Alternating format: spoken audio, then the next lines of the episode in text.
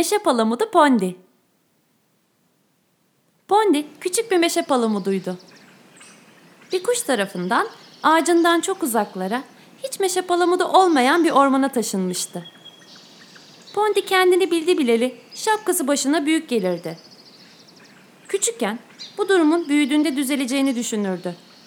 Bekledi, bekledi. Ama ne kadar büyüse de şapkası başına göre hep çok büyük kaldı. Şapkası Pondi'ye her zaman sıkıntı çıkarırdı. Bazı günler yolda yürürken gözlerinin önüne düşerdi. Bu yüzden ayağa takılır, tökezlerdi. Kimi zamansa yağmurdan içi su dolar, damlalar şıp şıp burnunun ucuna damlardı. Hele uyuduğunda başında hiç durmaz, sürekli oynar, uykusunu bozardı. Pondi şapkasını başında tutmak için türlü türlü çözümler denerdi. Örneğin başıyla şapkasının arasına taze meşe yaprakları sıkıştırırdı. Ama yapraklar kuruyunca dökülür, şapkası yine sallanmaya başlardı. Hatta bir keresinde sıkıştırdığı yaprakların üstündeki karıncalar yüzünden günlerce kaşınmış, kaşıntıdan zor kurtulmuştu. Arkadaşları Ponti'ye yardımcı olmak için kendi kabuklarını teklif etmişlerdi. Bir gün küçük fındık, istersen şapkalarımızı değişebiliriz demişti. Pondi fındığın kabuğunu, fındık da Pondi'nin şapkasını denemişti.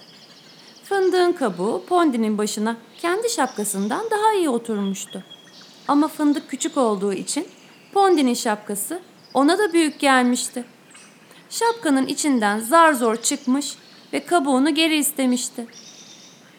Havaların soğuduğu ve şapkasının içine iyice saklandığı bir gün Pondi yerde başka bir meşe palamuduna rastladı. O da bir kuş tarafından getirilmiş olmalı diye düşündü.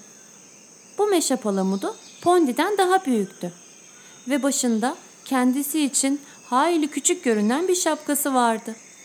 Zavallı palamut şapkasını çekiştirip duruyordu. Sağa çekiştirince başının sol tarafı, sola çekiştirince başının sağ tarafı açıkta kalıyordu. Pondi'yi görünce merhaba dedi. Şapkam küçük geldiği için biraz başım üşüyor da. Pondi başına büyük gelen şapkasını çıkardı ve umutla karşısındaki meşe palamuduna uzattı.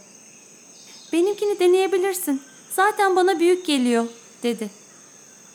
Büyük meşe palamudu da kendi şapkasını çıkararak Pondi'ye uzattı.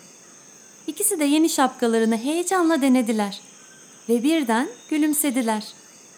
Artık ikisinin de başına tam gelen bir şapkası vardı.